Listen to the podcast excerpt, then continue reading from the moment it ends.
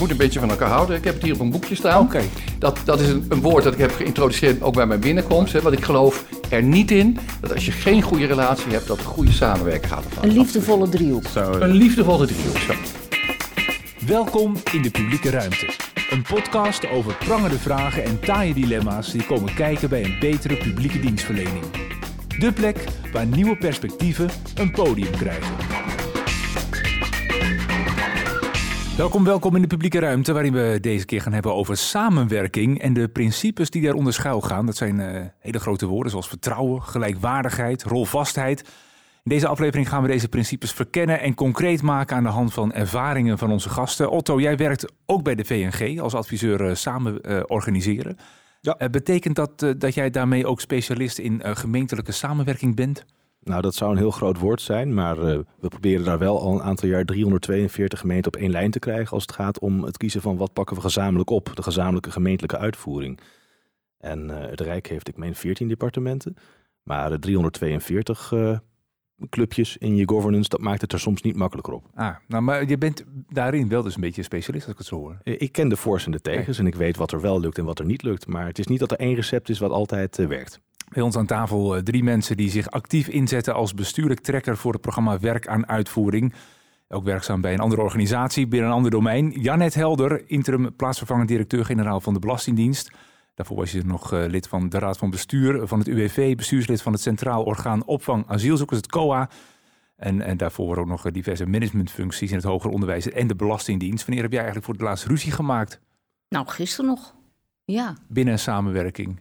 Ja, oh nee, dat was thuis.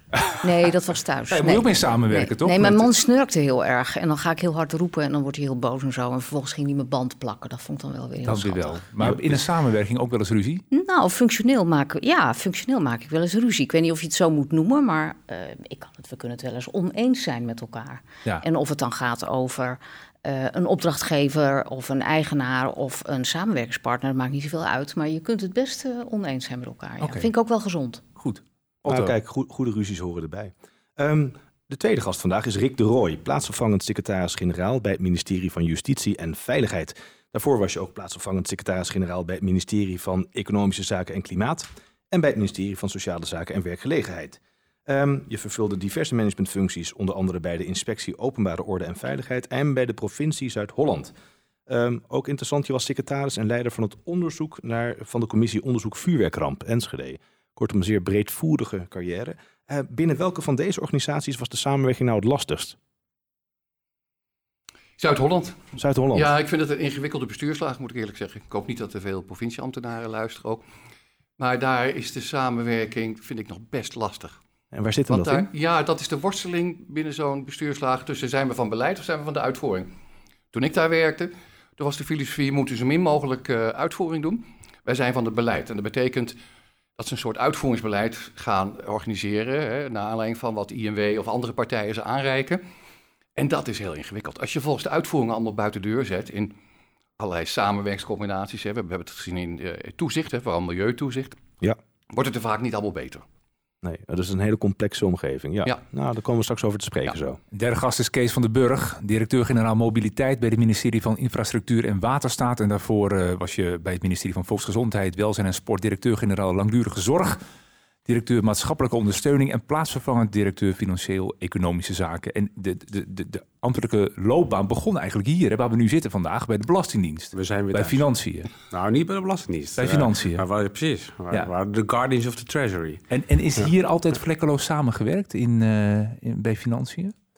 Ehm, nou, wat je daar eh, ziet, en zag in ieder geval, is dat daar ehm, de organisatie ook zo was ingericht dat er een bepaalde checks en balances werd ingebouwd. Ook een bepaalde mate van competitie, denk ik.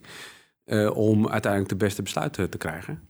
Eh, de vraag wie het snelst het beste het, financieel, financieringstekort kon berekenen, bijvoorbeeld. Dat was eigenlijk, ja, is dat samenwerken of is dat in vorm van competitie? Financiën heeft wel iets competitiefs in zich. En sterker nog, ook op andere, in andere organisaties waar ik heb gewerkt, bijvoorbeeld bij VWS, waarbij je dus eh, directies hebt die de, de, de sectoren bedienen, hè, de langdurige zorg of de ziekenhuiszorg.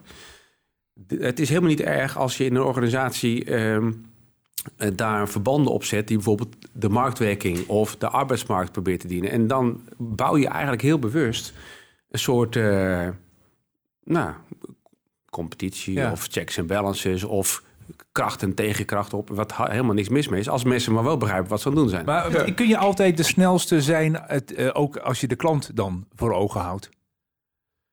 Eh, nou, in dit geval was eh, eh, bij het, zeg maar, de, de vraag of eh begrotingszaken waar ik, waar ik werkte of AFEP eh, die, die beneden zat en zij noemden ons de rommelzolder en wij, hè, dus eh, gelukkig zitten ze nu op dezelfde verdieping geloof ik. Ehm, daar zat natuurlijk, daar, daar, daar, daar dienden wij, de klant in dat geval was het gewoon de minister die de beste informatie moest hebben over hoe het met het tekort zat. Dus dat, daar, daar gaat het prima. Maar op het moment dat de competitie de competitie dient en niet eh, uiteindelijk het doel, dan eh, heb je Ja. een probleem. Een gezonde rivaliteit. Ja, ik moet wel zeggen dat ook op personele vlak eh, zag je dat, dat het de beste willen zijn en de prikkels die daar worden ingebouwd op financiën. Ehm, ik, ik was daarmee opgegroeid, maar vervolgens kwam ik op het ministerie van VWS. En ik heb ook gezien hoe het introduceren van dat soort prikkels, ook op, in- op het personeelsbeleid, ook heel erg destructief, kan werken op het moment dat mensen niet doorhebben dat er, eh, dat er iets van competitie is. Nee, precies. Ja, ja. Otto, we hebben eigenlijk drie rollen nu aan tafel. Hè? Ja, ik merk het. Ja, ik, eh, ik- als ik het goed inschat, dan is eh, Rick doorgaans de eigenaar. Ja. Ehm, dan is Janet de opdrachtnemer in de uitvoering. En dan is Kees de opdrachtgever als DG. Dan ben ik wel benieuwd van, eh, voor wie werk je nou vanuit je rol? Dus vanuit de, de SG, wat is nou, voor wie doe je het eigenlijk? Ja, dat is, dat is een goede vraag. hè. Het is, ehm, het is ook zoeken geweest, hè? vooral in het begin. Want ik denk dat we een jaar of vijf of tien bezig zijn met die eigenaarsrol, met de driehoek, laat ik het zo zeggen. Ik redeneer weer vanuit de eigenaar. Maar vanuit de driehoek redenerend, dan zie ik mijn rol, hè, laat ik daarmee beginnen, als degene die ook zorgt voor de continuïteit van de organisatie van de ondernemer. Dus als de opdrachtgever iets wil wat de ondernemer niet kan leveren, dan lever je een bijdrage aan dat gesprek. hè. Dan probeer je een evenwicht te creëren. Soms een bemiddelaar, soms eh, ook leidinggevende van, van de opdrachtnemer. Hè. Dat ben ik in een aantal gevallen. We hebben heel veel taakorganisaties bij, eh, bij JNV. Eh, maar ook meedenker over de, de ontwikkelingen. Bijvoorbeeld als de opdrachtgever een opdracht formuleert, dan is het niet automatisch zo dat de opdrachtnemer die moet accepteren. En dan hebben we met z'n drieën in de bestuurlijke overleggen die we hebben, hebben we daar een discussie over. Dus het is niet meer zo een één op één opdracht vanuit beleid eh, eh, die naar de opdrachtnemer gaat. Dus het is echt wel een hele andere positie geworden. Maar het verschilt nog wel heel erg per organisatie. Per type organisatie. Heb je een, een producent eh, van grote hoeveelheden of zijn er veel burgers bij betrokken? eh, want de- het begrip klant, hè, de- we noemden net klant. Nou, eh, Kees had toen geen klant, de klant was de minister. Maar Janet had bij UWV heel veel klanten en ook kwetsbare klanten. En dan heb je een ander soort driehoek dan de driehoek die ik bijvoorbeeld heb met, eh, ehm, nou Justit. Dat is een, een, een organisatie bij ons die vooral zorgt dat alle gegevens goed worden opgeslagen. Ja, Dat is een en heel ander gesprek dan met de Ja. IND. Ja. Kees, waar doe jij het voor? Voor wie doe jij het vanuit jouw rol? Oh, ik dien eh, ultiem mijn minister nog steeds. En Ja? dat doen we allemaal. Ja. Doen we dat? Ja, Ja. ja, net is Ja. het bij jou ook zo. Jij is niet mijn, nee, is niet mijn eerste focus. Nee, mijn Nee, eerste focus is de buitenwereld. Ja, nee, maar die is voor mij via, via, eh, via, via. Dus het is natuurlijk, natuurlijk dien ik de, buitenwereld uiteindelijk. Eh, ehm, maar dat gaat bij mij, dat is vrij staatsrechtelijk geredeneerd. Eh, ik heb een hele staatsrechtelijke redenering hier. Ik bedoel, ehm, hier op dit gebouw, ehm, financiën, hebben ze me altijd geleerd dat wat wij als ambtenaren doen uiteindelijk niet zoveel doet, omdat het altijd uiteindelijk via de politieke verantwoordelijkheid gaat. Nou ja, wat Natuurlijk dien ik de, ja. dien Nee, maar- de, dien maar de wat- burger. Maar Ja. wat mij opviel, inderdaad, nou ja, dat, moest er wel uitgetrokken worden volgens mij nu, eh, Kees. ik, natuurlijk dien ik de burger. Nee, dat is voor mij zo evident. Alleen Nou wat, voor mij ook, wat, voor mij ook zo, wat voor mij ook zo evident is, dat ik, dat ik alles wat ik doe, doe ik onder het gesternte van de politieke ministeriële verantwoordelijkheid. Ja, maar dit is interessant. Dat, is het nou die, in- die minister of die klant? Wat is nou, wat Nou, hou je nou in je achterhoofd? Maar dat, klant, dat, ja. dat Ja. is inderdaad heel erg interessant. En ja, volgens mij is dit ook de werkelijkheid. Ehm, als ik hier ben en eh, heel veel van mijn werk gaat ook over eh, politieke-achtige dingen. Hè? Dingen die politiek interessant zijn, die de staatssecretaris moet weten. Eh, dat weten jullie ook, want dan kan je dagelijks in de krant lezen. Hè? Daar zijn we dag in dag uit mee bezig. Daar bedienen we onze bewindspersoon mee. Maar wat de Belastingdienst als belangrijkste taak heeft, is heffen en innen en zorgen dat de Nederlandse samenleving kan blijven draaien voor burgers. De financiën heeft als missie Jasmijn helpt me. Dat is zoiets van uh, gezond, uh, financieel gezond Nederland. Jasmijn is een assistent die niet meeluistert. Ja, ja. Ze knikt Dankjewel, heel druk, Jasmijn. dus ik denk dat dit goed was. Uh, dit, goed. dit, was goed. Um, en het is een beetje flauw wat ik nu doe. Maar ik, ik vind het een mooie missie. Maar ik vind hem natuurlijk heel ver van mensen afstaan. En waar het volgens mij bij de Rijksoverheid om gaat, is dat we de samenleving ondersteunen en dat we burgers en bedrijven ondersteunen. En daar hoort ook bij dat ze af en toe, hè, mensen die iets doen wat niet door de beugel kan krijgen, natuurlijk om hun oren. Hè, dat hoort ook bij de taak Ja, van de ja. Rijksoverheid. Ja. Maar dat is wel wat ik heel sterk voel als eerste Rick? uh, Ja, taak. de- ja, zeker. De- wat eh Janet zegt, dat deel ik. hè. We gebruiken tegenwoordig de term maatschappelijke opgave. En ik vind het mooi zoals jij net beschrijft, hè, waarom financiën belangrijk is. Hè, om ervoor te zorgen dat we als Nederland kunnen draaien. Hè, dat die wegen er zijn. Dat er eh, uitkeringen zijn. eh, dat mensen worden geholpen in de, in de volksgezondheid. Voor mij is die, eh, die maatschappelijke opgave dominant. En ik merk dat steeds meer mensen het hierover hebben. Even, naar Kees. Voor Kees is die maatschappelijke op- opgave ook dominant. We hadden net een gesprekje. Waar doe je het voor? Voor mijn oma die met de bus naar X moet. Dus ik denk dat die drive er voor ons allemaal is. Dus we doen het voor de Nederlander. Eh, 15, 20 jaar geleden vonden we dat wel een beetje apart als je zei. We doen het voor de Nederlander. Maar daar deden we het wel voor. Daar doen we het nog steeds voor. Maar is het, eh, Kees, lastig om dat voortdurend in je achterhoofd te houden, ook met die politieke druk? Ehm, nee, ik, eh, ik zou even. ehm, eh, het is leuk dat Rick net noemde wat we bij, eh, het- bij het toegangspoortje waar we het over hadden. Eh, eh, eh, laat ik zeggen, de neiging om de burger te vergeten in beleid is vrij groot. Ik weet dat toen ik bij VWS werkte, eh, hadden Martin van Rijn en Edith Schippers hadden op een gegeven moment daar ging van systemen naar mensen was het. En dan denk je, nou, dat is nog wel evident toch, want daar gaat het om. En ik, toen ik zelf bij langdurige zorg eh, DG werd, toen heb ik, eh, eh, ik werd een beetje weggehoond, heb ik het punt van de liefdevolle zorg geïntroduceerd. En dat is wat anders dan, dan dat je met de AWBZ bezig bent of, eh, of, de, of zorgzaterpakketten of de, de diagnose-behandelcombinaties. eh, want de, de taal zegt heel veel. Hè? Dus, dat is, dus daarom heb ik het liefdevolle zorg benoemd, om dat, om dat altijd maar dat perspectief van oma erin te brengen.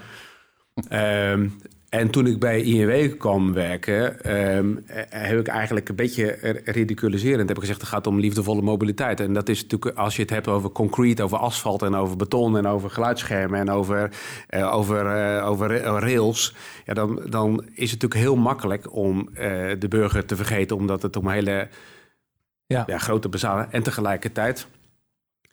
Eh, dus, dus het antwoord op je vraag is ja, je, de kans om, het, om de burger eh, uiteindelijk achter de schermen te, dat te verdwijnt is vrij groot. Dus dat is Achter dus geluidsschermen. En zo is dat. Ja, dat was het bijna de, dat was inderdaad de woordgrap. Dus vervolgens was het, is het dus aan ons om dat in beeld te brengen. Houden. En daarom zeg ik ook altijd, eh, ik heb eh, zo, een soort, eh, soort rap voor hoe ik vind dat mijn organisatie moet. dat kan ik ook echt rappen, zou moeten functioneren. En uiteindelijk is het fout. En oma moet het merken. Dat is overigens gejat van Hugo de Jonge, die dat ook heel erg in, bij VWS erin heeft geramd. Nou, even toch naar de advisering. Kijk, als ik een Ga advies je die geef... rap ook doen? Of, uh... Als je wil. Wij zijn verbonden met en geïnspireerd door de buitenwereld. Eh, Wij, wij dienen de publieke doelen. We zijn systeemverantwoordelijk. We borgen die doelen. Uh, uiteindelijk willen we... Nou, dit is nog geen rap, Dit is maar genoeg. uiteindelijk willen wij... uh, ik wil autoriteit zijn. En autoriteit wil niet zeggen dat je autoritair bent... maar dat je luistert, dat je kan luisteren, durft te luisteren... dat je van je mening af durft te stappen... op het moment dat je bent overtuigd door een betere mening van een ander. We doen het met rennen en reflectie in balans. En uiteindelijk moet oma het merken. Dat is uiteindelijk het verhaal. Maar goed, eventjes... Uh, en dan kan ik het nog... Ja. Dankjewel. Mooi, Kees. Ik zou nog geen cd'tje kopen, maar nou, ik vind het wel mooi. Het ja. gaat wel de kant op. Uiteindelijk in die advisering, dat is de vraag van, zo, kom je, zo breng je het weer bij elkaar. Als ik een advies geef aan mijn minister, die ik dien, of mijn, sta, de, de, en mijn staatssecretaris, dan heb ik altijd in ogenschouw te nemen: één, is het uitvoerbaar wat we hier uh, doen? Kan het überhaupt? Twee is, hoe gaat het in de buitenwereld vallen? De buitenwereld is de, de burger of welke dan heb ik En de derde verhaal, en hoe valt het in het, in het politieke uh, domein? En die drie, die moet kan het. Ja. Die moeten verbonden zijn met elkaar. En als dat niet met elkaar verbonden is, dan gaat het gewoon geheid mis. Precies. Ja. Misschien mag ik uh, toch eens even kijken hoe we, hoe we de, de samenwerking die vandaag centraal staat in deze podcast, dus even wat kunnen uitdiepen. Want uh, jullie hebben dus allemaal een andere rol van eigenaar, opdrachtgever, opdrachtnemer. Daarbij hebben we allemaal wel het besef dat we het voor de burger, voor de inwoner doen. Maar er zijn natuurlijk ook allerlei vertegenwoordigers van die inwoner en burger. Denk aan bewindspersonen hè, die daarin opdrachten geven, die ook gediend dienen te worden. Dus dat is een complex geheel. Die balans is niet altijd even eenvoudig te vinden, hoor ik je zeggen, Kees. Um, als we nou gaan hebben over die uh, samenwerking in de driehoek. En uh, het lijkt soms wel eens een beetje op relatietherapie, die hele driehoek. Want er zitten al zoveel facetten aan, aan die relatie tussen die drie partijen en die drie personen. Um, daar zijn verschillende principes voor geformuleerd. Um, en één daarvan is gelijkwaardigheid. En dat vind ik eigenlijk wel een hele aardige. Want een driehoek, in, als je in beelden denkt, dan zie je prachtig een evenredige driehoek met drie gelijke zijden. Maar is dat in de praktijk wel zo? Uh, ik weet niet, Rick, als je het hebt over gelijkwaardigheid in de driehoek. Zijn al die drie hoeken even, even scherp, even stijl, en die zijden even lang? Hoe, hoe zit dat? om dat aan de eigenaar te vragen ja, trouwens. Ja. Nee, maar dat zou, dat zou wel moeten. Maar dat, dat is nog niet zo. Dat is nog lang niet zo, hè? Even als voorbeeld, we hadden onlangs een gesprek met een collega, die had ons uitgenodigd, collega van de uitvoering. De DG en ik gingen naar haar toe. En uh, gelukkig was het de DG, maar die wilde het voortouw nemen in deze vergadering als voorzitter. Terwijl zij ons had uitgenodigd. Dus ze zei ook, nee, ik heb jullie uitgenodigd, ik bepaal de agenda. En we hebben een gelijkwaardige driehoek. Nou, daar werden we wel even mee geconfronteerd. Hè? Maar het is nog, nog steeds, je ziet nog steeds dat we oude reflexen hebben. En dat moet anders. Maar die gelijkwaardigheid die wordt wel beter. Dus, Heeft niks te maken met man-vrouw? Nee, nee, het is toevallig dat dit een vrouw... Zou een correlatie kunnen zijn. De DG, de, de, DG was ook een vrouw. Maar, ja, maakt niet uh, uit. En hoe reageerde de DG van eh, Justitie erop? Nee, die met schaamrood. Uh, en en, en ik ook. Hè. Dus dat, nee, zeker. En, uh, maar dat is wel, dit is weer, zeg drie kwart jaar of een jaar geleden. Dingen zijn wel aan het veranderen. En die waren al bij sommige onderdelen veranderd. Dus je ziet ook in, nu in de discussie bijvoorbeeld over migratie, dat COA uh, ook zijn rol pakt als opdrachtnemer, Het is ook bovendien ZBO, en probeert ook daar te zelfstandig te opereren, zelfstandig communiceert met de buitenwereld. Uh, dus je ziet dat wel verbeteren. Maar je ziet dat in, in uh, spanningsvolle situaties, dat we dan wel eens terugvallen op oude reflex. Die oude reflex. En wie houd je dan scherp om, om je bewust te zijn van het feit dat het een oude reflex is? En dat je mogelijk ook op een andere manier de driehoek in zou kunnen? Ja, dat, moet, dat moeten we zelf doen. En daar spreken we elkaar ook op aan. Hè? Want ik, ik geloof er ook heilig in. Die samenwerking die gaat alleen vliegen als je een beetje van elkaar houdt. Je moet een beetje van elkaar houden. Ik heb het hier op een boekje staan. Okay. Dat, dat is een, een, woord dat ik heb geïntroduceerd ook bij mijn binnenkomst. Hè, want ik geloof er niet in dat als je geen goede relatie hebt, dat er goede samenwerking gaat. Een liefdevolle driehoek. Zo. Een liefdevolle driehoek, zo. Net als de liefdevolle asfalt, nee, asfalt van Kees net. Hè, dus dat, ja. er moet ook een liefdevolle driehoek zijn. Dus je moet elkaar begrijpen, maar je moet elkaar ook kunnen aanspreken. Je moet elkaar verstaan. En uh, uh, moet, ja, je moet toch een beetje van elkaar houden. Ik ja. geloof daar echt in. Zit het ook in terminologie, ja net, uh, kerndepartement? En dan zou je zeggen van, hè, daar gaat het dus. Dat is de kern, dat is het belangrijkste. Daar draait het allemaal om. Je zou kunnen zeggen gewoon beleidsdepartement is neutraler. Of zit het ook al niet in de formulering van opdrachtgever, opdrachtnemer? Dat je daar een soort machtsverhouding al mee situeert. Ja, maar weet je, dat is afgeleid. En in die zin moet ik heel eerlijk zeggen, vind ik het model ook best ingewikkeld. Ik geloof erin in de zin van, ik vind het heel verstandig om die driehoek te hebben met een eigenaar, een opdrachtgever, opdrachtnemer. Het is ook de verzakelijking, hè, die, die, hoort bij, die, die hoort er ook echt wel bij. Dat, in die zin ben ik het erg met Kees eens. Maar gelijkwaardigheid, dat is een illusie. Dat gaat echt niet gebeuren. Nee, Kees? Um, natuurlijk is het niet gelijkwaardig. Uh, dat is één. Uh, en, uh, maar dat beseffen ze wel prettig. Want als ik, probeer eventjes, ik heb heel veel verschillende rollen als opdrachtgever of welk woord je wil gebruiken richting opdrachtnemers, welk woord je ook wil gebruiken geopereerd. En zelfs binnen VWS, waar ik te, met het CEZ of met het CHK of met een, weet je, het, het, verschilt enorm. Ehm, maar nu even, waar, waar, ik nu het meeste te maken mee heb, is ProRo en RWS, met overigens volstrekt verschillende rechtsvormen inderdaad. Ehm, en ik, ik voel me zeer ongelijkwaardig ten opzichte van die twee grote uitvoeringsorganisaties. In de zin. Dus je voelt je, en, en, en dan ongelijkwaardig in die zin eh, de onderliggende partij? Absoluut. Echt? Absoluut. Nou zeg, ja, uh, ja, ja. dat is heel gezond hoor. dat willen we ook oplossen, Kees. Ook voor jou. Nou, maar, het, wat, nee, maar, maar aan, de andere, aan, de andere, kant heeft RWS en ProRail ook het gevoel dat ze ongelijkwaardig zijn. Eh, maar heb je het nou over we zijn niet gelijk of we zijn niet gelijkwaardig? Nee, maar dat, is, dat is het goede. En eh, daar waar zo'n grote hut als Rijkswaterstaat met 10.000 mensen precies weet wat er waar gebeurt. En ik volledig afhankelijk ben van die... en dat geldt overigens ook voor de tegen Rijkswaterstaat uh, overigens... volledig afhankelijk is van wat er in de regio's gebeurt... op welke informatie daar wel of niet komt. Dus, en of ik informatie op mijn bureau krijg... waar ik de politiek mee kan dienen en daarmee de burger... is dat ik ben afhankelijk van. Ik ben ooit een keer bij het CZ begonnen. je bent afhankelijk, maar je hebt toch veel meer macht, Kees? Nee, helemaal niet. Nee, absoluut niet. Ik bedoel, het, het, de andere kant van het verhaal is dat je misschien wel dichter op de besluitvorming uh, zit. Maar op het moment dat ik dichter bij de besluitvorming zit met verkeerde informatie, heb ik juist onmacht. En Dus- budgetten, Kees, je zit op het budget, hè? het is jouw begrotingsartikel. Wat- Ja, ja dat, dat, dat klopt. Tegelijkertijd ehm Zien ze jou ook als een zak met geld? Is pinautomaat. Pinautomaat. Maar, maar hij is leeg. Maar we constateren dus dat die gelijkwaardigheid er niet overal is. Nee, maar het geeft niet. Ik kom zo- ik kom zo bij maar de- Is het, maar is het erg? Is het Nee, erg? ik kom zo bij de, bij de oplossing. Nee, dat is niet waar. Maar ik, ik Nee, kom... maar is het, vind je het erg dat die gelijkwaardigheid er niet is? Nee, hij is per definitie is die er. Alleen je moet iedere keer werken aan het in balans brengen van en het corrigeren van, de, van die ongelijke positie. En hij, hij weet dat in ieder geval. En, Maar- en je hebt alle twee. Dus ik, ik weet dat Michelle zal zich. Michelle Blom, ik heb niet met de volgers. Directeur van de- directeur Die zal zeggen. eh, hij zit aan de knoppen van de besluitvorming. Ik ben afhankelijk van zijn besluitvorming. Mijn 10.000 mensen die wachten op de besluitvorming. Het is niet mijn besluitvorming, het is besluitvorming onze bewindspersonen.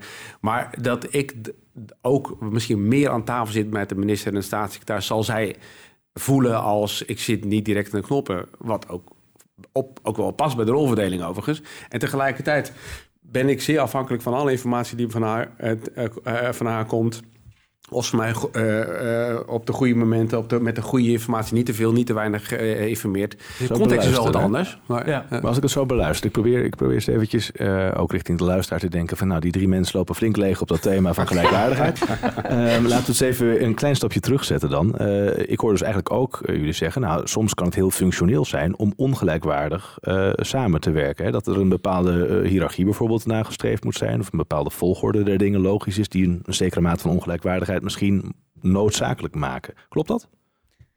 Nou, als jullie het goed vinden, heren, ik vind die rolvastheid eigenlijk misschien nog wel belangrijker. Oké. En ik denk eerlijk gezegd dat rolvastheid een rand, een voorwaarde is om tot gelijkwaardigheid te komen. Dit klinkt een beetje filosofisch, maar Rick en Kees zitten heel hard te knikken, dus die vinden dat ook. Ehm, op het moment dat, hè, zoals Kees het formuleert, op het moment dat Kees kan zeggen: Ik ben weliswaar degene die aan de knoppen kan draaien. Eh, eh, geld en eh, besluitvorming.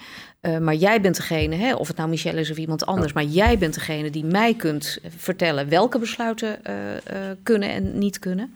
Andersom geldt dat ook.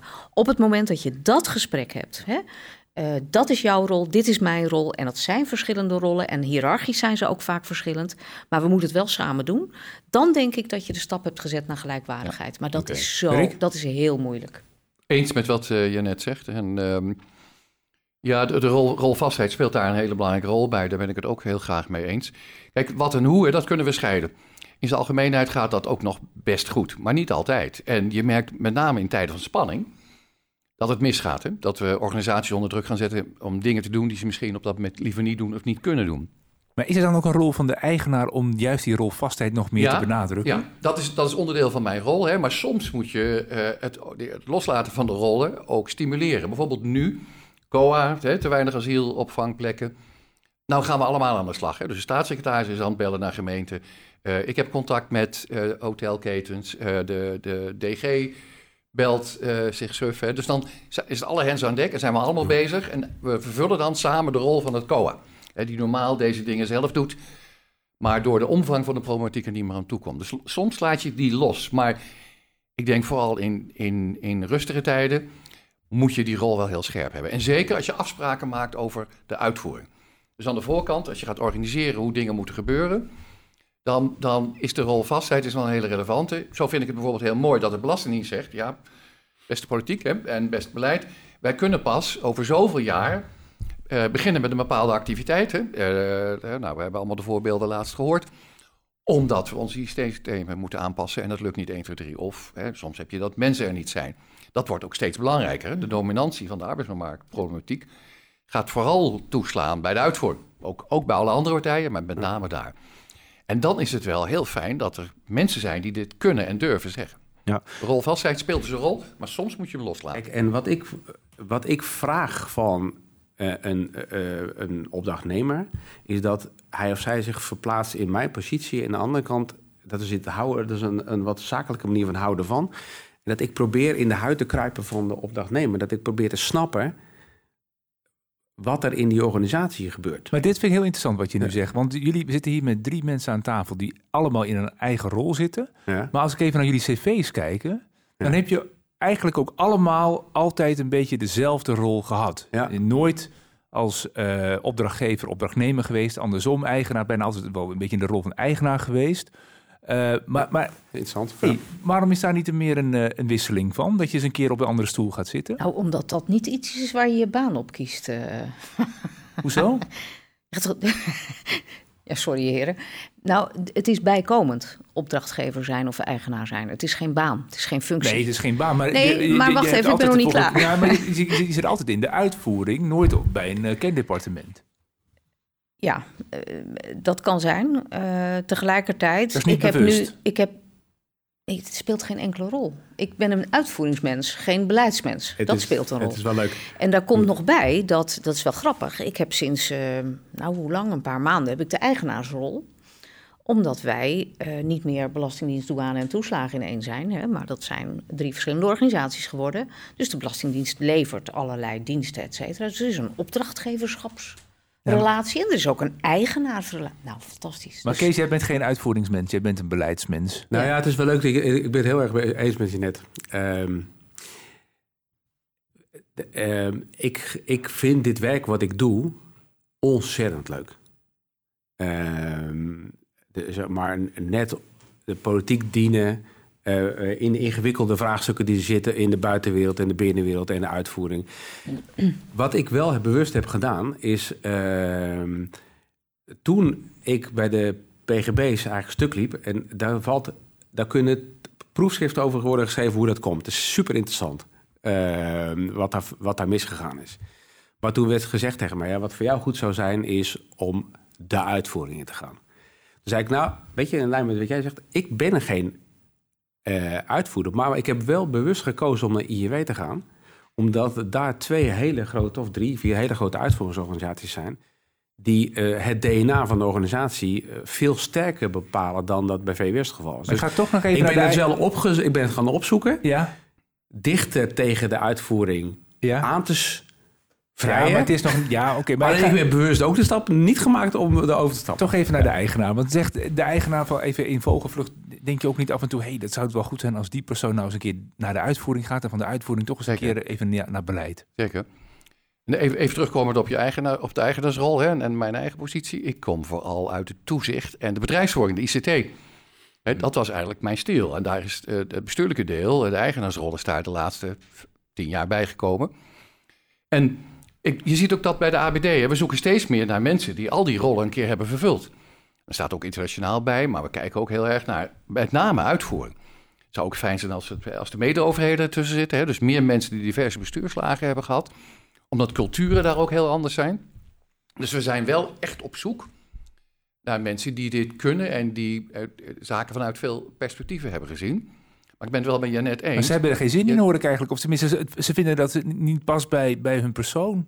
Waarom zou het Nee, moeten? maar ik vind, ik vind de, Nou, carrière van, van Janet vind ik heel veelzijdig. Hè? Die, van Kees wat minder. Maar, nee, maar van Jan- Janet, maar Janet heel erg veelzijdig. Die heeft verschillende rollen gehad. Dus het ging over bedrijfsvoering in sommige eh, gevallen en ook over de ICT. Dus dat, ik zou dat onderscheid niet zo durven maken, zoals jij dat nu doet. Hè? Want iemand zit altijd in de opdrachtgeversrol of de opdrachtnemersrol. Ik denk dat Kees, want ik heb wel eens bij bijeenkomsten gezeten over die PGB, waar Kees met de billen bloot kwam, hè, zoals hij nu ook deed. Dan zag je dat hij in die periode heel erg met die uitvoering was bezig geweest.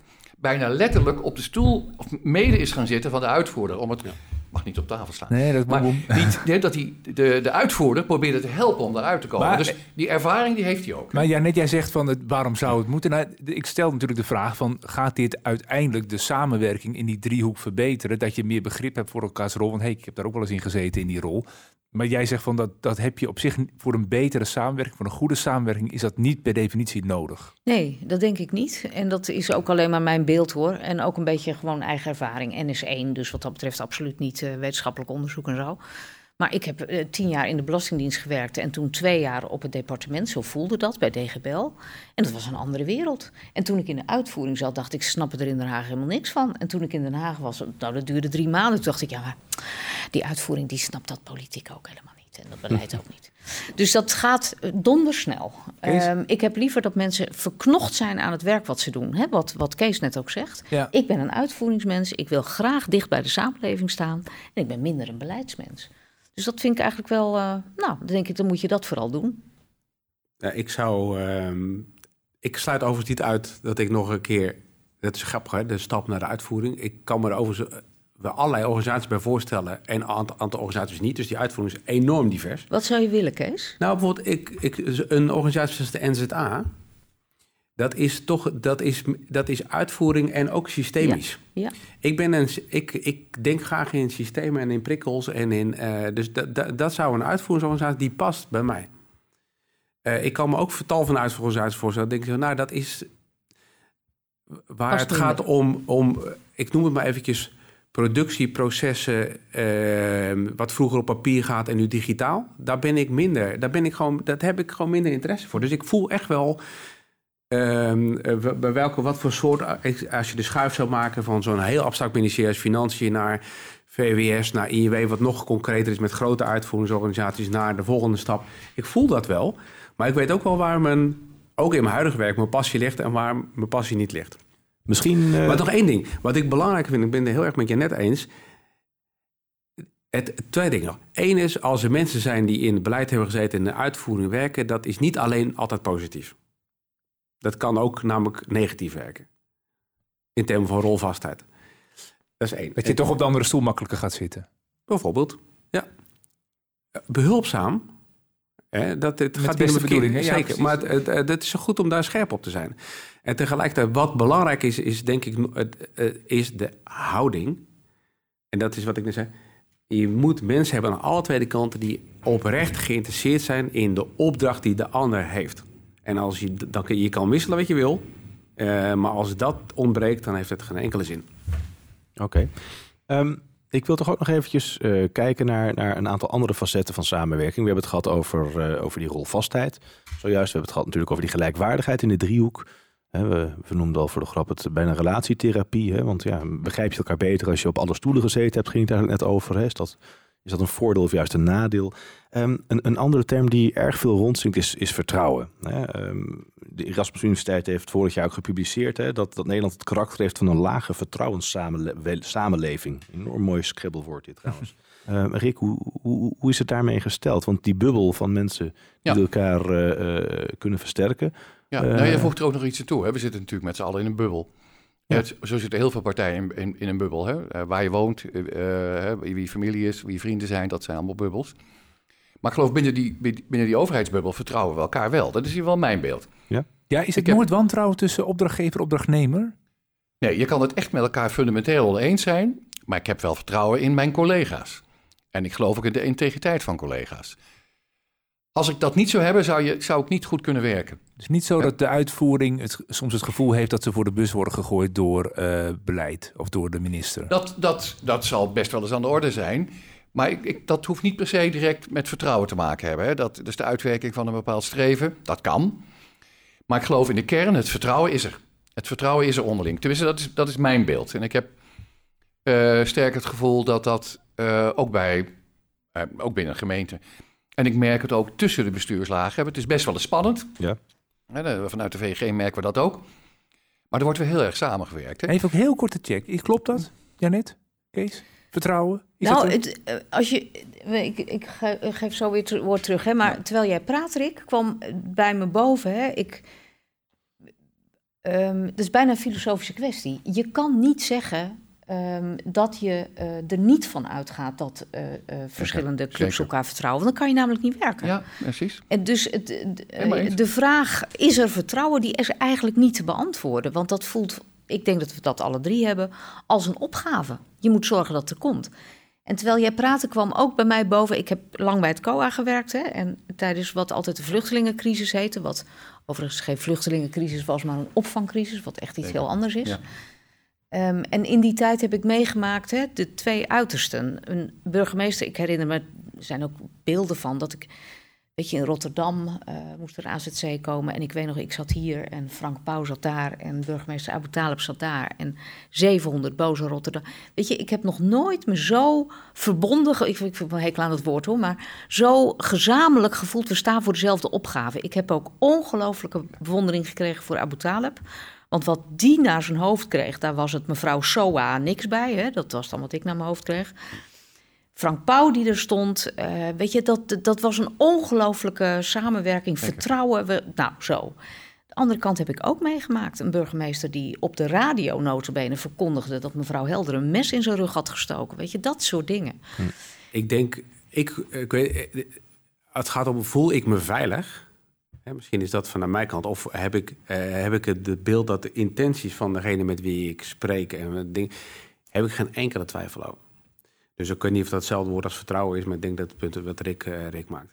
Interessante is wel vooral of degene die tegenover je zit datzelfde gevoel heeft. Dus, eh, eh, en op, en, op hetzelfde punt. En nog interessanter is de vraag of de mensen die achter ons zitten... of die datzelfde gevoel hebben. Dus, En wordt dat expliciet gemaakt? Nou, ik praten denk- we daar wel genoeg ik over? Ben wel, ik, ik, ik, soms schrik ik wel als ik hoor hoe mensen ehm, in een uitvoeringsorganisatie praten over beleid. En dan denk ik, dan, eh, dan is het intentioneel volgens mij allemaal prima, maar dan is de afstand tussen ons best wel groot. Maar waar schrik je dan van? eh, nou, dat de mensen in de uitvoering s'nachts niet kunnen slapen van de problematiek waar zij dagelijks tegenaan lopen. En de, en de vraag of ik daar voldoende responsief voor ben. Of, of, ik, of ik responsiever kan zijn dat ik nu ben om, die, om daar wat mee te doen. Dat, de, daar lig ik nou niet wakker van. Maar dat doet mij wel. Maar het ligt dan misschien toch weer aan het beeld dat ze zich de onderliggende partij voelen. Ja, zeker. Dus het Dat beeld, is- dus het, Zeker, daarom zelf- zei ik, het is niet eye of the beholder uiteindelijk. Ik kan wel zeggen dat er vertrouwen is, maar het gaat natuurlijk om de vraag hoe diegene die, eh, die aan de andere kant zit, om mezelf naast me staat, eh, dat ook voelt. Dus het is, eh, het is een beetje op het, bijna op het filosofische wat jij net zei. Het is, ik vind het best, het, het basisgevoel, dat is, dat is heel erg oké volgens Ja. mij. Maar, maar de antenne aan hebben voor hey, hier, hier eh, gaan we elkaar misschien niet begrijpen. Of hier communiceren we niet. Ja, dat moet, die moet je zo aan hebben staan. Maar Dat is ook een beetje het, het verhaal van eh, mijn deur staat altijd open voor de uitvoering vanuit beleid. Maar ja, dat, die moet ook het gevoel creëren van hey, stap maar naar binnen. Of, eh, Ja. dat is, Wat mij opvalt Ja. in het gesprek is dat we het over heel veel vanzelfsprekendheden hebben. Ja, als het gaat over gelijkwaardigheid of vertrouwen of rolvastheid. Dat zijn waarden die in je eigen vriendengroep, als je ze daar bespreekt hè, tijdens een barbecue komende zomer, dan, eh, dan zijn het vanzelfsprekendheden. Die vergen weinig invulling, want je kijkt elkaar aan, je begrijpt elkaar. Met een overheid zo groot, met zoveel facetten, met zoveel opgaven. Hè, opdrachten is één, maar opgave is twee. Is, ligt dat wat complexer. Ehm, zijn wij voldoende sensitief? Dat woord gebruikte jij, Kees, eigenlijk. Hè? Is- Is de overheid eigenlijk als organisatie, als je het als één groot systeem, als één grote organisatie zou bekijken, is die sensitiviteit binnen die overheid voldoende op orde? Of moet daar iets meer mee gebeuren? Nou, het grappige is, ik had toevallig gisteren een sessie met mijn eigen directieteam. Dus even, dan hebben we het niet eens over de driehoek, maar over gewoon mijn eigen team. Dat je de neiging om het heel snel over de inhoud te hebben. eh, het, het, eh, dat we het liefst daarover hebben. Dat we vervolgens, als we daar niet uitkomen, dat we het vervolgens hebben over procedures en regels. En als we daar niet uitkomen, het over relaties gaan hebben. Terwijl eh, je het eigenlijk het andersom moet doen. Ehm, dus het is de epidemie omdraaien, om het maar zo- modelmatig of theoretisch te schetsen. En dat is dus het antwoord is. Heb ik niet eens over de driehoek waar we het nu over hebben, maar gewoon in mijn eigen managementteam. Dat, dat de neiging om het, om het over de inhoud te hebben en niet zozeer over de relaties, het heel erg groot is. En dat is eh, volgens mij vrij menselijk. Ja. Maar eh, zelfs, eh, nou, probeer het een beetje met thuis te vergelijken. Ik denk dat het ook wel snel eh, gaat over. is, is dit een sleutel, Janet, eh Rick? Is het dat we het meer moeten hebben over de relatie en min- minder Nou, over de inhoud? Ik, ik, ik denk sowieso, we moeten het ook niet al te rooskleurig maken hoor. Want ehm, gezegd hebbend hè, dat vertrouwen iets is waar ik niet zonder kan, heb ik natuurlijk ook wel, en dat hebben we allemaal wel collega's, de een vertrouw je meer dan de ander. En dat heeft ook vaak te maken met belangen. Hè. Dus soms zijn belangen tegenstrijdig en niet helder. En duurt het een tijdje voordat je in de smiezen hebt. eh, ja, de- voor de ene club speelt dit belang, voor de andere club speelt dat belang. Dus dat, we zijn net gewone mensen, dat is bij ons ook zo. Maar is Trouwens in de vriendengroep af en toe Ja. ook, hè? Dat is toch wat anders dan vertrouwen? Ja, dat gevoel heb ik ook. Ja, Rick? ja ik, ik, ik vind dat iets anders dan vertrouwen. hè. Je kan tegenstelde belangen hebben. En je kan met de koppen tegen elkaar slaan. Nou, dat gebeurt ook best regelmatig. Maar dat betekent nog niet dat ik die collega niet zou vertrouwen. En vertrouwen vind ik wel een basiswaarde. Ik vond het mooi dat je zegt, hè, je vindt het ook vanzelfsprekend in de familie, vriendenkring. Je bent ook vaak heel erg geraakt hè, als het daar misgaat. Ja. Maar dat, zo ervaar ik het wel. Ik vind dat, dat, dat, dat raakt je wel. En, maar dat raakt me ook bij collega's. Als ik het gevoel heb Maar dat als, het, overkomt als, het, je toch als de strijd, ja, als de strijd ontaart ook in iets waardoor ik het gevoel heb het vertrouwen verdwijnt, hè, dan, voelt dat, dan voelt dat diep. Ja. Maar heel vaak blijft het bij het, het, het, eh, het, kruisen van de degens, hè, met verschillen van opvatting. En dan kan je ook heel goed met elkaar doorgaan. Ja. Maar als iemand je een streek flikt, hè, om het zo maar te zeggen, en er iets gebeurt waar je denkt, ja, weet je, dat, dat vind ik ook niet in tegen, dan is het iets anders. Dan is het vertrouwen geschaad, daar ben ik met je eens. Maar dat kom ik niet zo heel vaak tegen. Nee? Voor mij is vertrouwen dat iemand zegt... Jij ja, wel, jij net. Oh, wacht even. Jij hebt het wel. Ja, dat komt, in, dat komt volgens mij overal voor. Eh, ja, Ja. moet ik daar meer van zeggen? Dat, ja zeggen en nee bedoelen? Nou, bijvoorbeeld afspraken maken en dan op een andere plek iets tegenkomen wat helemaal niet volgens de afspraak is. Dat soort dingen. Oh, dat vind je niet. eh, Jawel, nee, dat vind ik. Dat, nee, dat kan natuurlijk ook, nee, hè? Dat ik- ik dan. Ik haal hier mijn schouders niet op. Nee, ik nee, van, ja, dat hoort nou helemaal bij het Ja, precies. Nee, Ik nee, dacht nee, dat je nee. dat ging zeggen. Kijk, dat is nou weer vertrouwen, hè? Nee, ik, dat zie ik eraan, dat Helder. nee, Zo no doen wij dat in Den No way. Dat ben ik toch... Ik, ik zie dat toch eigenlijk weinig gebeuren. Ja, kijk, het een beetje tegenstribbelen, dat zit er wel eens in. Maar, of meestribbelen.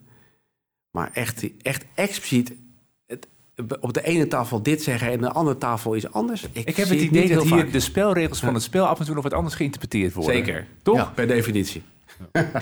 De, de, de consistentie hè, die ontstaat doordat je op basis van vertrouwen kan werken. De afspraken die je daarover maakt. Het nakomen van die afspraken. Niet afwijken en stiekem een, een mes in je rug steken. Eh, eh, dat komt allemaal voorbij. En als je het hebt over het maken van dat soort afspraken. ehm, dat, dat kan op inhoud, maar dat kan dus ook op relatie. Eh, ik hoorde je al zeggen van, zeker op de inhoud, de dossiers. Nou, dan ligt alles voor en dan weten we waar we het over moeten hebben. Hoeveel tijd besteden we dan aan het afspraken maken over die relatie? Houden we dat af en toe nog tegen het licht? Of is dat zo'n vanzelfsprekendheid dat we dat graag, nou ja, tijdens de borrel, na de tijd misschien eventjes doen, als het zo uitkomt? Hoe, hoe, hoe zit die verhouding tussen inhoud en, en relaties dan? Nou, voor mijn stelling is dat we daar dus veel te weinig aandacht aan besteden. Te weinig. Ja, veel te weinig. Echt, eh, de, als het eh, t- t- 10, 30, eh, 60 is, dat is een relatie, eh, procedures, regels, eh, organisatie, inhoud. Ja. Eh, dus moet je, denk ik ook echt dat je, dat je hem om moet draaien. Ik Ja. snap wel waarom het is zoals het is. Ja. Ehm, maar het is, ehm, het, het is gewoon veel te weinig. Hoe worden wij wakker geschud om die sensitiviteit dan te vergroten? Bij SZW ehm, is er, wordt er heel veel tijd besteed om met SVB en UWV het te hebben over wat zijn onze rollen, wat is onze relatie, hoe gaat het met elkaar, aan tafel met elkaar zitten. Vertel eens iets, en dit is echt waar, dat hebben we echt gedaan. Vertel eens iets wat je niet snel aan iemand vertelt. Ja. Hebben we allemaal gedaan. Ja, mooi. Ja, weet je, ik, ik, ik moet eerlijk af. Ik, we zeggen natuurlijk allemaal wel van ja, oh, moeten we weer? Maar het is fantastisch. Het is wat we nodig hebben. Maar zeg je daarmee ook dat dat dus Ehm, per dat is- domein kan gebeurde verschillen? bij JNV niet. Nee. Eh, maar dat was, ja, dat was natuurlijk ook een veel grotere club. Dus dat was ook minder logisch misschien. Financiën ook niet. Dus de sfeer ook, dat is niet, past helemaal niet bij financiën, zeg ik maar even. Mhm. Zou best goed zijn. Dus misschien moeten we dat eens gewoon gaan En doen. INW-case, is er daar dus ook minder aan de orde? dit, eh, wat bij mij een, de reflectie in mijn eigen team dus was dit, dus wat ik je vertelde. En Ja. ik ben het helemaal met je eens. D- Dat gaat echt over dit soort vragen als... eh, nou ja, kijk, je hoeft ook niet te zeggen wie was je vader, wie was je moeder. Maar het er maar eventjes iets meer eh, eh, die- diepgang op. Wat zijn jouw eh, drijfveren? Wat zijn je talenten? Vind je dat je je positie in het team eh, voldoende tot uiting komt? Dat, dat soort elementen. Dat zijn gewoon relationele dingen. Ehm, en, en, en daar is eh, ook bij INW... een, eh, kijk, mijn MT staat vol met inhoudelijke stukken. Ik dacht bij mezelf gisteren, ik ga ermee kappen.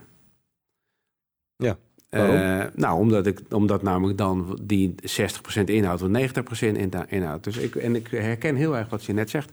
Van eh, dat soort dingen, die, die, die zijn gewoon ontzettend bazaal in de zin van de basis voor, eh, voor, de, voor, de, voor verbetering. Ja. Nou, eindigen we deze Maar mag ik podcast. daar nog Ja. één ding over zeggen? Ja. Want ik, ik, vind het, ik vind het ook best wel ingewikkeld hoor. Want ik merk dat, niet om mezelf op de borst te kloppen, maar ik kan daar ook niet zonder. Ik moet mensen snappen, ik moet Mhm. weten hoe hun kinderen Mhm. heten, ik moet weten wat er, hè, zo. Dus en, nou, ik hoop dat ik dat zelf ook breng. Maar ik vind het heel ingewikkeld, ik kan dat ook echt niet, om te zorgen dat je dat in een groep Mhm. eh gelijkwaardige doet. Rick? Ik kan dat niet, ik krijg niet Ja, voor elkaar. ja, nee, ik ben het ermee eens. En en wat, hoe proberen wij het op te lossen? Wij zitten elke ochtend van half negen tot negen uur, vaak via WebEx, maar ook fysiek, als bestuursraad bij elkaar. En wisselen gewoon een aantal dingen. Vaak gaat het ook gewoon over het weekend, over de kinderen, over de film die iemand gezien heeft. Maar het gaat ook over inhoudelijke dingen. Ja. En op vrijdag hebben we een formele bestuursraad en dan doen we allerlei andere dingen. Maar vier keer in de week, s ochtends van half negen tot negen uur, spreken we elkaar. Dus je zegt het moet integraal onderdeel zijn van, van je werkdag, van je dagelijks En op werk. het moment dat je echt afspraken moet gaan maken over de relatie, dan Ja. zit je al in de problemen. Nee, is ik, zo. ik herken vooral die momenten dat je die uitnodiging krijgt dat je met z'n allen een middagje lekker gaat boomhutten maken of naar de kinderboerderij moet om Zover eh, hoeft iets te het gaan dan niet te verven. komen. Want dat hebben we dan bedacht om dan even de relatie te gaan organiseren. Jij zegt dat hoort niet zo. is heel oh, oh. populair. Nou, die Ja. kunnen we doen. Of met geiten yoga doen. Geiten maar daar is een andere ja. podcast voor. Laten we eens kijken. Dus het gaat om integraal verwerken in je dagelijkse Ja. werk door de week heen, hoor ik je zeggen. Ja, en nou moet je dit dus terugbrengen naar het gesprek waar we het over hebben, de driehoek. Hè? Want dit gaat over je eigen team en dat geldt. En eigenlijk is het verhaal dat geldt dus ook voor de driehoek. Ja. Precies. Eh, nou, even samenvattend. We hebben het gehad over samenwerken. En uiteindelijk komt het dan heel erg terug op, op de basis. Elkaar vertrouwen, maar gewoon mens zijn met elkaar. Eigenlijk heel simpel. Eh, wat neem je nou mee naar, eh, van, van, van, van, van, ah, naar verbetering in samenwerking? Is het dan puur die relatie of gaat dat nog breder? Rick? Nee, kijk, het, het begint bij de relatie en dan wordt het vanzelf breder. Dus ik, ik, ik wil eigenlijk eindigen met waar ik mee begonnen ben. Je moet een beetje van elkaar houden. Dat zouden we veel vaker moeten doen. En niet alleen in de driehoek, zou ik zeggen. Maar dat helpt wel. En dat, dat is dus uiteindelijk toch die relatie. Ja. Janet? Ja, eens. Ehm, en ik zou er nog aan toe willen voegen. En hoe krijg je een relatie door interesse in elkaar te hebben? En wat ik er nog het meest aan dit gesprek overhoud, is zeg maar het, het optimisme wat Rick en ik wil uitstralen. In de zin van, nou, weet je, het gaat wel goed. En, ik, en, en, het, en het kritische geluid van Janet, die zegt, ja, maar wacht nou eventjes. Dat ervaar ik niet altijd zo. En dat heb ik ook heel goed gehoord vandaag. Ja. Mooie lessen vandaag. Zeker. Dit was De Publieke Ruimte, een podcast over publieke dienstverlening. Een initiatief van Werk aan Uitvoering. Naast mij zit Martijn Grimius, mijn naam is Otto Tors. Onze gasten vandaag waren Janet Helder, Rick de Rooij en Kees van den Burg. Vond je dit interessant? Deel de podcast dan met collega's en geef een reactie in de comments. Abonneer je op ons kanaal, dan krijg je vanzelf de nieuwe aflevering in je favoriete speler aangeboden. Graag tot de volgende keer.